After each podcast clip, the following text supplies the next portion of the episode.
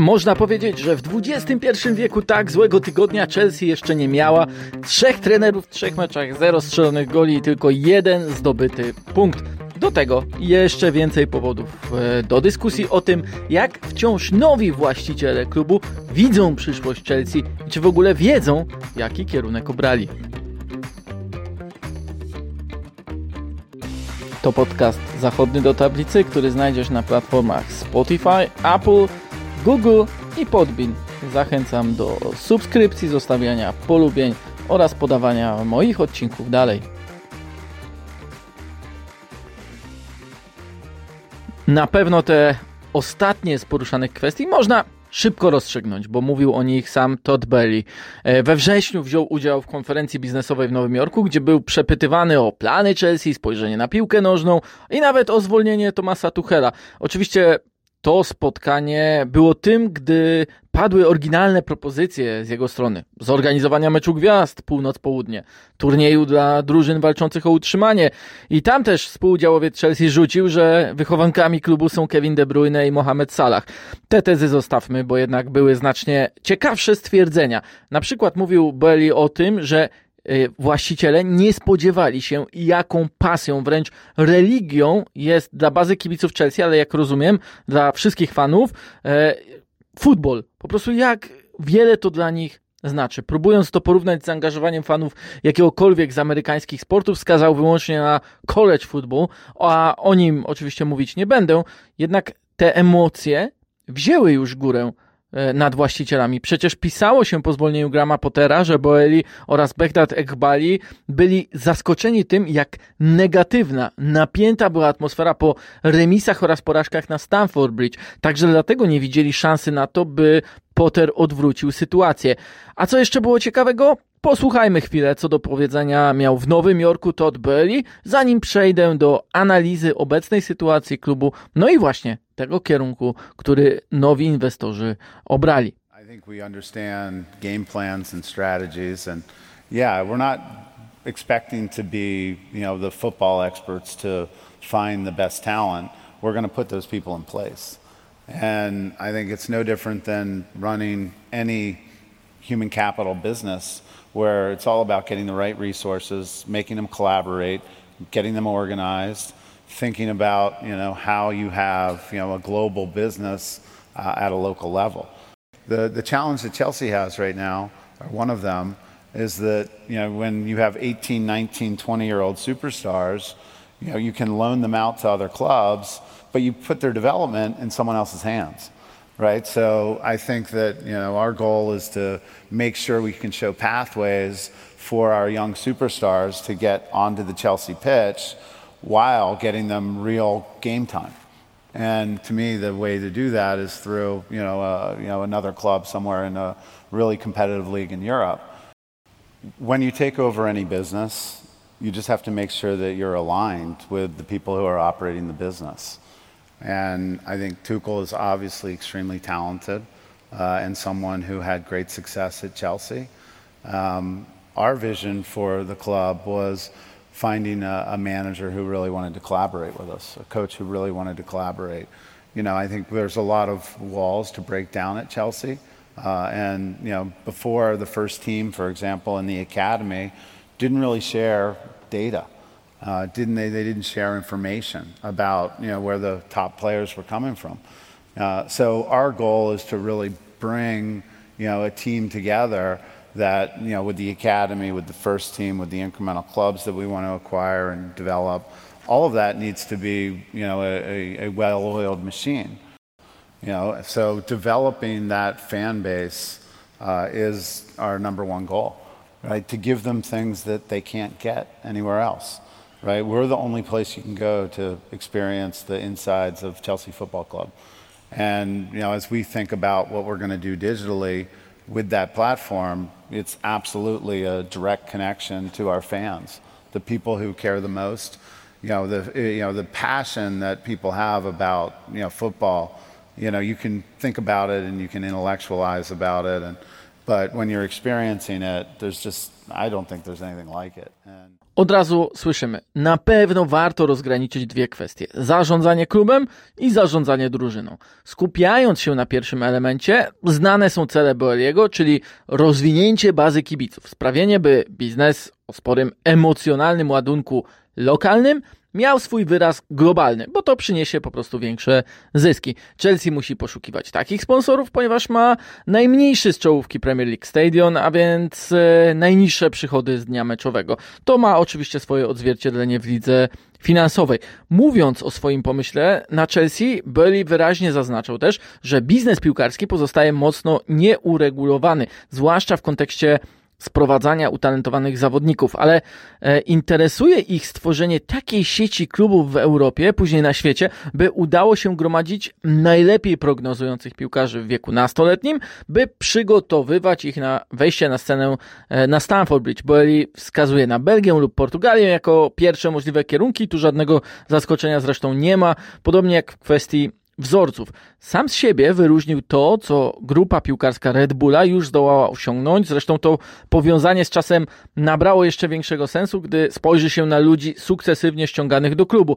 Lawrence Stewart, który jest jednym z dwóch dyrektorów sportowych, pracował w Lipsku, a Christopher Wivel, a więc dyrektor techniczny, pracował i w Salzburgu, i w Lipsku. Rolą tych ludzi było stworzenie scenariuszy możliwych rozwiązań po zwolnieniu Pottera. Ich pomysłem był Frank Lampard. Oni będą również prowadzili rozmowy i poszukiwania nowych trenerów. To od razu warto podkreślić. Jeśli Chelsea wzoruje się na Red Bullu, to trener nigdy nie będzie najważniejszą postacią w klubie. I nawet szkoda byłoby liczyć, że pozostanie w nim na lata albo na 5 lat, jak to było w przypadku kontraktu, który podpisywał Graham Potter. Chelsea zresztą już to zna piłkarze są ważniejsi od trenera.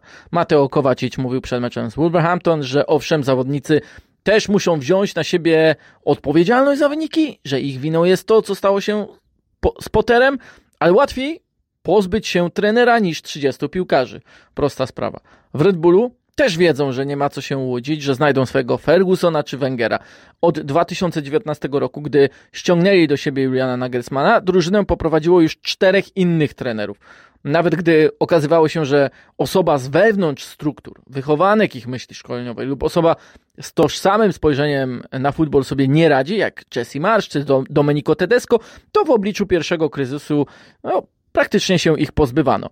Zawsze będzie następny trener pasujący do myśli, do składu, a po prostu jego jest najłatwiej e, wymienić i też łatwiej o takiego szkoleniowca niż e, kupować piłkarza za kilkadziesiąt milionów. A niektóre wyliczenia analityków i to pierwszy raz odwołuję się do e, pracy 21st Group, wskazują, że wpływy nawet ponadprzeciętnego szkoleniowca to tylko 5 punktów więcej na przestrzeni całego sezonu w porównaniu do takiego, który osiąga po prostu wyniki przeciętne.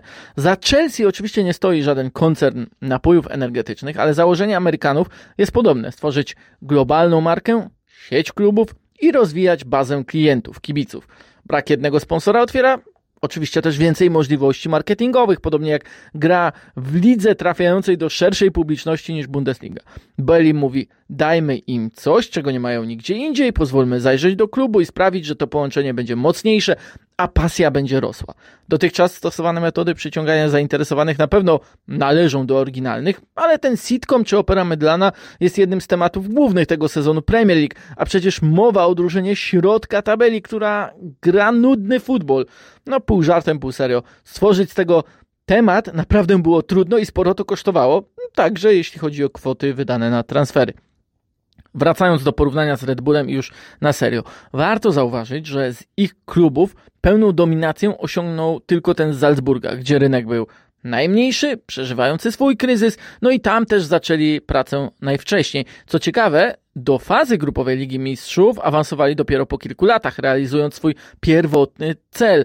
Dla Lipska pierwszym założeniem był awans na najwyższy poziom rozgrywkowy w Niemczech, a po nim również gra regularna w Lidze Mistrzów, ale z tytułami było słabiej, aż do zdobycia Pucharu Niemiec w poprzednim sezonie. W tym znów najważniejsze jest bycie w czołowej czwórce, by grać z najlepszymi w Europie i dzięki temu zarabiać.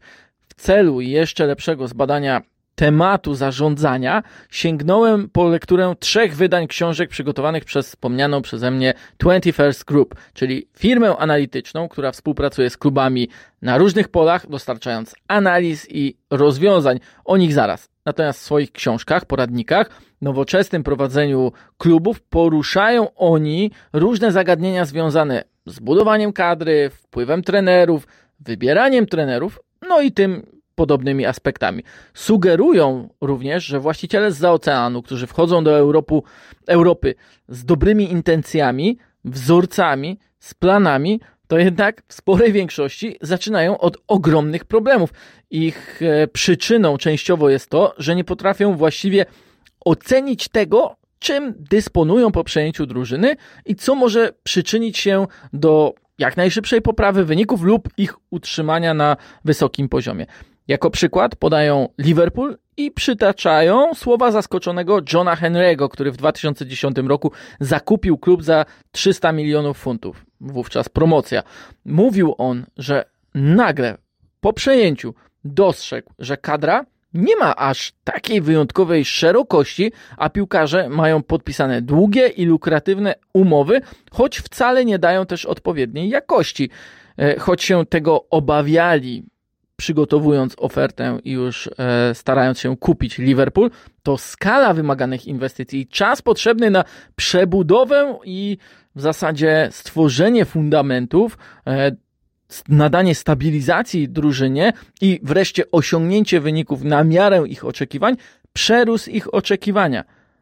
I tu możemy się zastanowić, bo w Chelsea może być podobnie. Przecież budowa obecnego składu przypomina dokładanie bardzo losowych klocków, które łączy to, że dają obietnicę rozwoju po pierwszych ekscytujących i efektownych występach w różnych ligach. O tym, jakie pozycje i w którym systemie zajmują, jakby nikt do końca nie myślał. Latem stawiano na doświadczonych piłkarzy z uznaną wartością i dokoptowano jeszcze kilku młodych, ale już zimą inwestowano mocno w przyszłość.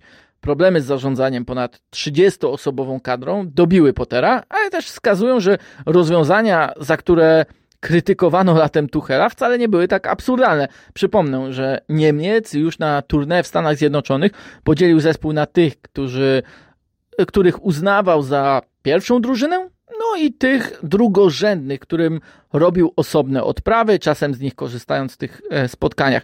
A po jego zwolnieniu wyciągnięto to jako przykład nieumiejętnego zarządzania ludźmi. Tymczasem można teraz już stwierdzić, że Niemiec wiedział, jak szerokiej ławki potrzebuje, by nie było kwasów, by zachować odpowiednią choćby intensywność zajęć, e, rywalizację, ale też zadowolenie w drużynie. Po prostu stwierdził, że niektórym należy się szczera prawda, że już w Chelsea przynajmniej jego nie pograją. Wrócę do badań 21st Group, którzy w swoich książkach wskazują, że kadra która rywalizuje w europejskich pucharach i rozgrywa przynajmniej cztery dodatkowe mecze na kontynencie, potrzebuje średnio 20 zawodników, przynajmniej o dwóch więcej niż zespoły skupiające się na samej lidze. Dwóch więcej, nie 12 więcej. Tymczasem w Chelsea, w samej Premier League w tym sezonie wystąpiło przynajmniej raz, uwaga, 32 zawodników. Piłkarskie obserwatorium CIS e, wyliczyło, że średnia liczba miesięcy zawodników pierwszego składu Chelsea jest czwartą najniższą wartością w lidze angielskiej. To oczywiście taki wskaźnik stabilizacji składu. Za Chelsea są tylko Arsenal oraz Newcastle United, czyli dwa kluby, które aż tyle w pierwszym składzie nie rotują, ale dokonały w ostatnim roku punktowych wzmocnień, nie chaotycznych jak Chelsea. E, punktowych, czyli takich, które doskonale uzupełniały braki i podniosły zdecydowanie jakość. A o Chelsea i o ostatnim Nottingham Forest nie można tego powiedzieć. Wyniki Chelsea w zasadzie ratuje tylko to, że niemal jedną czwartą minut rozegrali zawodnicy o statusie wychowanka. Wyższy wynik procentowy w tym względzie ma tylko Brighton, a można sobie wyobrazić, co stanie się ze wskaźnikiem stabilizacji składu po kolejnych zmianach latem, ograniczeniach kadry i na przykład po pozbyciu się właśnie wychowanków, bo mowa przecież o odejściu czy Masona Mounta, Conora Gallaghera, Rubena Loftusa-Cheeka. W zarządzaniu przyszłością klubu eksperci wskazują na trzy możliwe rozwiązania, które pozwalają odpowiednio budować drużynę. Pierwsze to przewidywanie tego, co może się zdarzyć i co może Twojej drużynie przynieść największą korzyść. Odnosząc to do Chelsea, można mieć z jednej strony wątpliwość, ponieważ ten sezon absolutnie nie pokazuje, jakby którekolwiek z działań właścicieli czy pionu sportowego było efektem większego planu.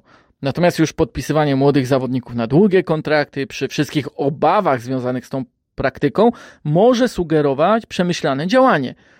Druga droga to ewoluowanie, gdy nie można przewidzieć tego, co się zdarzy.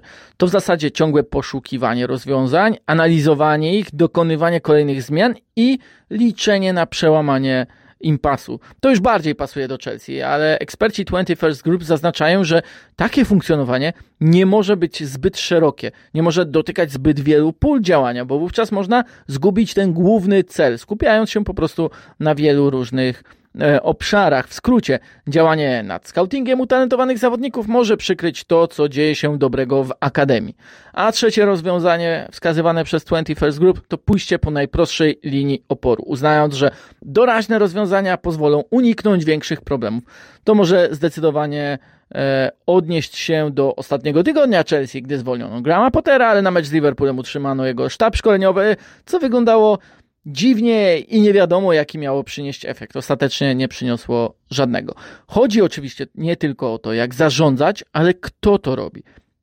Wskazywałem na osoby, które stanowią o pionie sportowym i które będą też decydować o kolejnym trenerze, ale wydaje mi się, że o ich skuteczności nadal zadecyduje najbardziej aktywność Boeliego i Ekbaliego. Pierwszy z nich na konferencji w Nowym Jorku mówił, że wraz z innymi inwestorami będą chcieli znać plany trenerów, dyrektorów sportowych, ale z ich perspektywy najważniejsze jest to, by ściągnąć właściwych ludzi, dać im narzędzia, stworzyć takie środowisko, by współpracowali i tylko kontrolować z góry ich działania.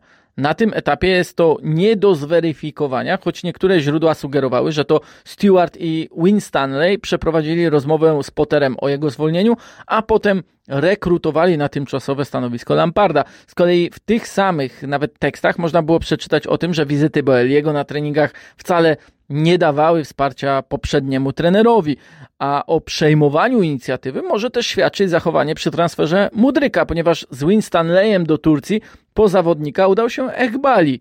Może to jeszcze ten efekt e, nowości, że inwestorzy uważają, e, iż ich obecność, ich wkład jest konieczny, ale już w przypadku poszukiwań trenera, no to za to odpowiedzialni mają być dyrektorzy sportowi.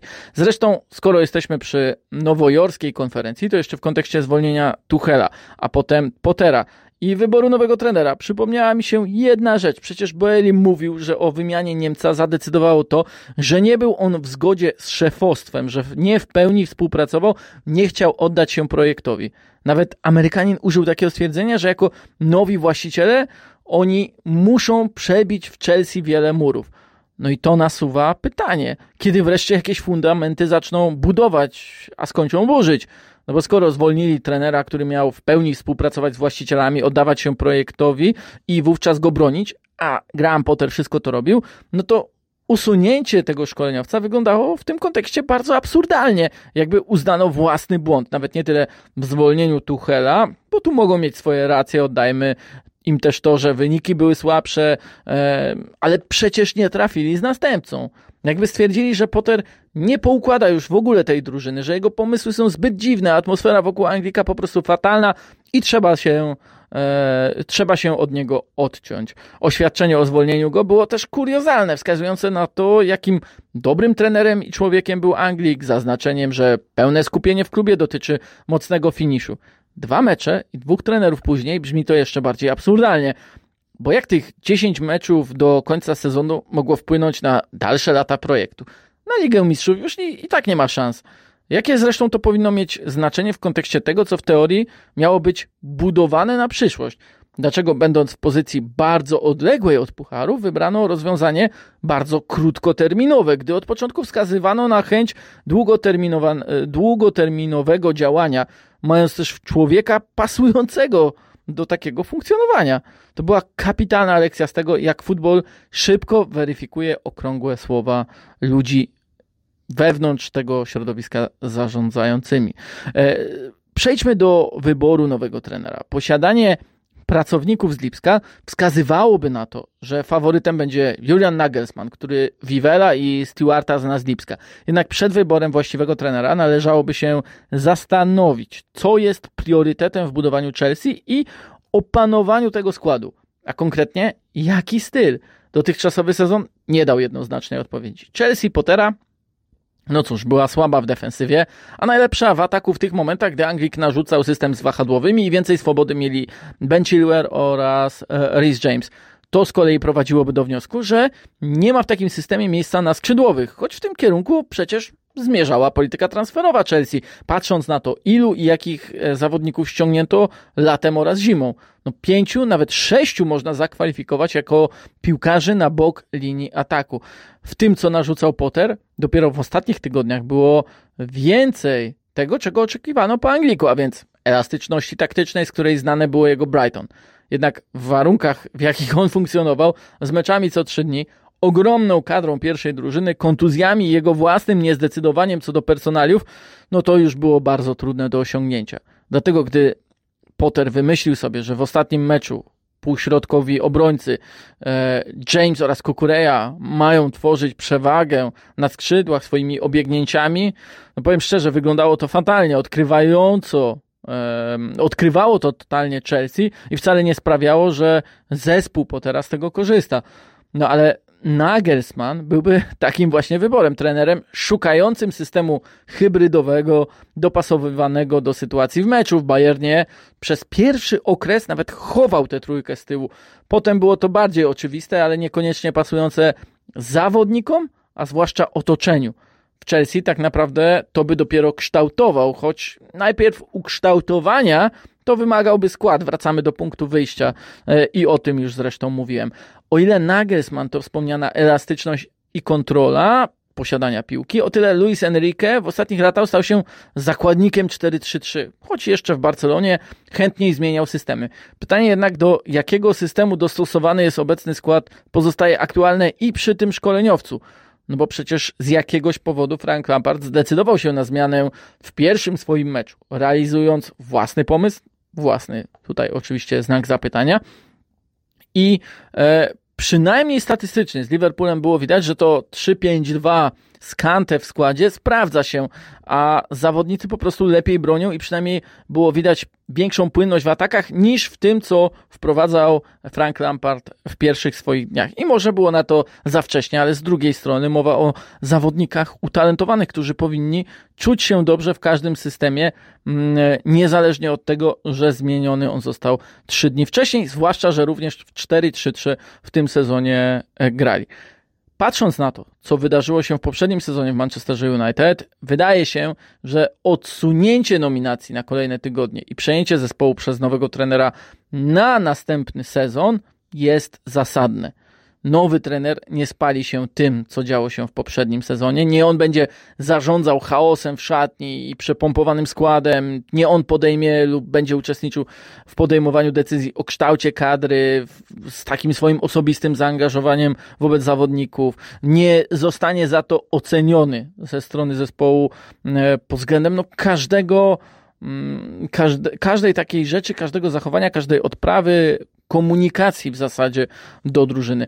Nie wejdzie też w atmosferę porażki, lecz, jakby to nazwać górnolotnie, nowej nadziei. E, wrócę jednak do eksperckiego spojrzenia ze strony 21st Group. Oni uczestniczyli w kilku procesach rekrutacji trenerów. Na stronie firmy konsultingowej można znaleźć opis takiego procesu dotyczącego Swansea City. Punktem pierwszym było zrozumienie wymagań klubu, jego filozofii. Następnie 21st e, Group stworzyli algorytm, który dopasowywałby charakterystyką osobę do całości, ale przede wszystkim e, taki algorytm pozwolił im wyeliminować zbędne kandydatury. Nawiasem mówiąc, wówczas skazano na Steve'a Coopera, który e, prowadził młodzieżową reprezentację Anglii, bodaj do lat 17, a już po zatrudnieniu w Swansea. Dwukrotnie grał z nią w barażach o Premier League, wywalczył później awans z Nottingham Forest, no i wciąż bije się w najwyższej lidze o utrzymanie i też po prawdzie zmaga się z bardzo podobnymi problemami rozdmuchanej kadry obecnej drużyny. Pod pewnymi względami Chelsea ma szczęście. Na rynku są dostępni trenerzy, którzy w teorii pasują do tego, co można rozumieć jako projekt inwestorów, jeśli ktoś jeszcze to kupuje.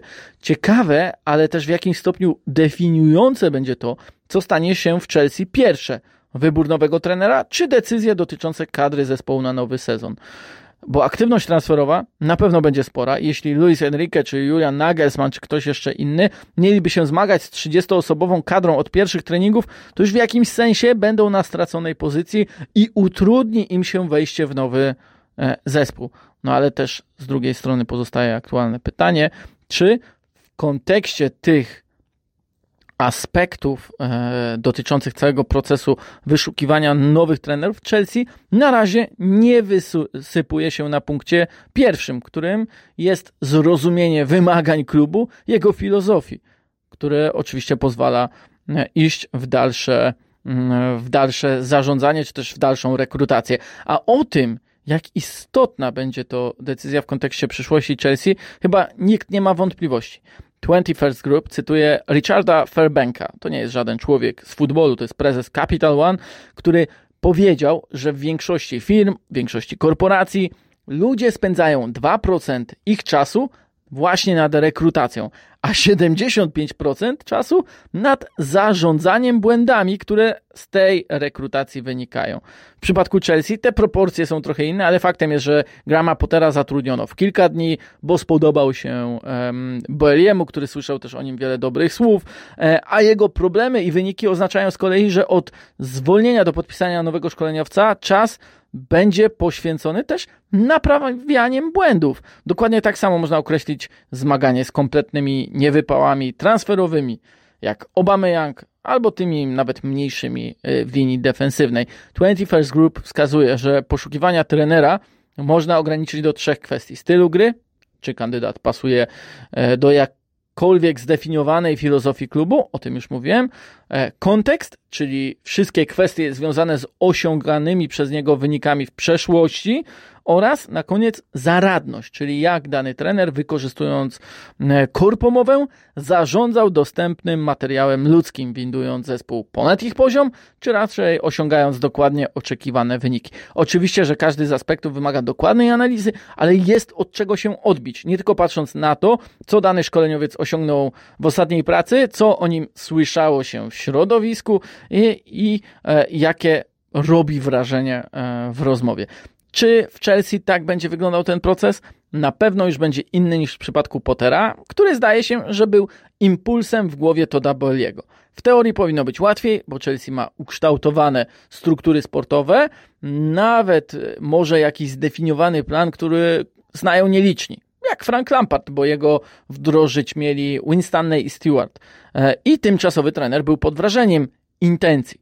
Tak, Lampard użył słowa intencja właścicieli. Tak więc na razie zamiast planowania, oddawania, zarządzania klubem fachowcom i procesu mamy dokładnie to, co Todd Burley i reszta inwestorów obiecywała w pierwszym oświadczeniu po przejęciu Chelsea. Wówczas zapewniali, każdy może sobie to sprawdzić, że będą zaangażowani w każdą minutę każdego meczu, każdą chwilę działania klubu. Już wiemy, że to niekoniecznie dobra rzecz.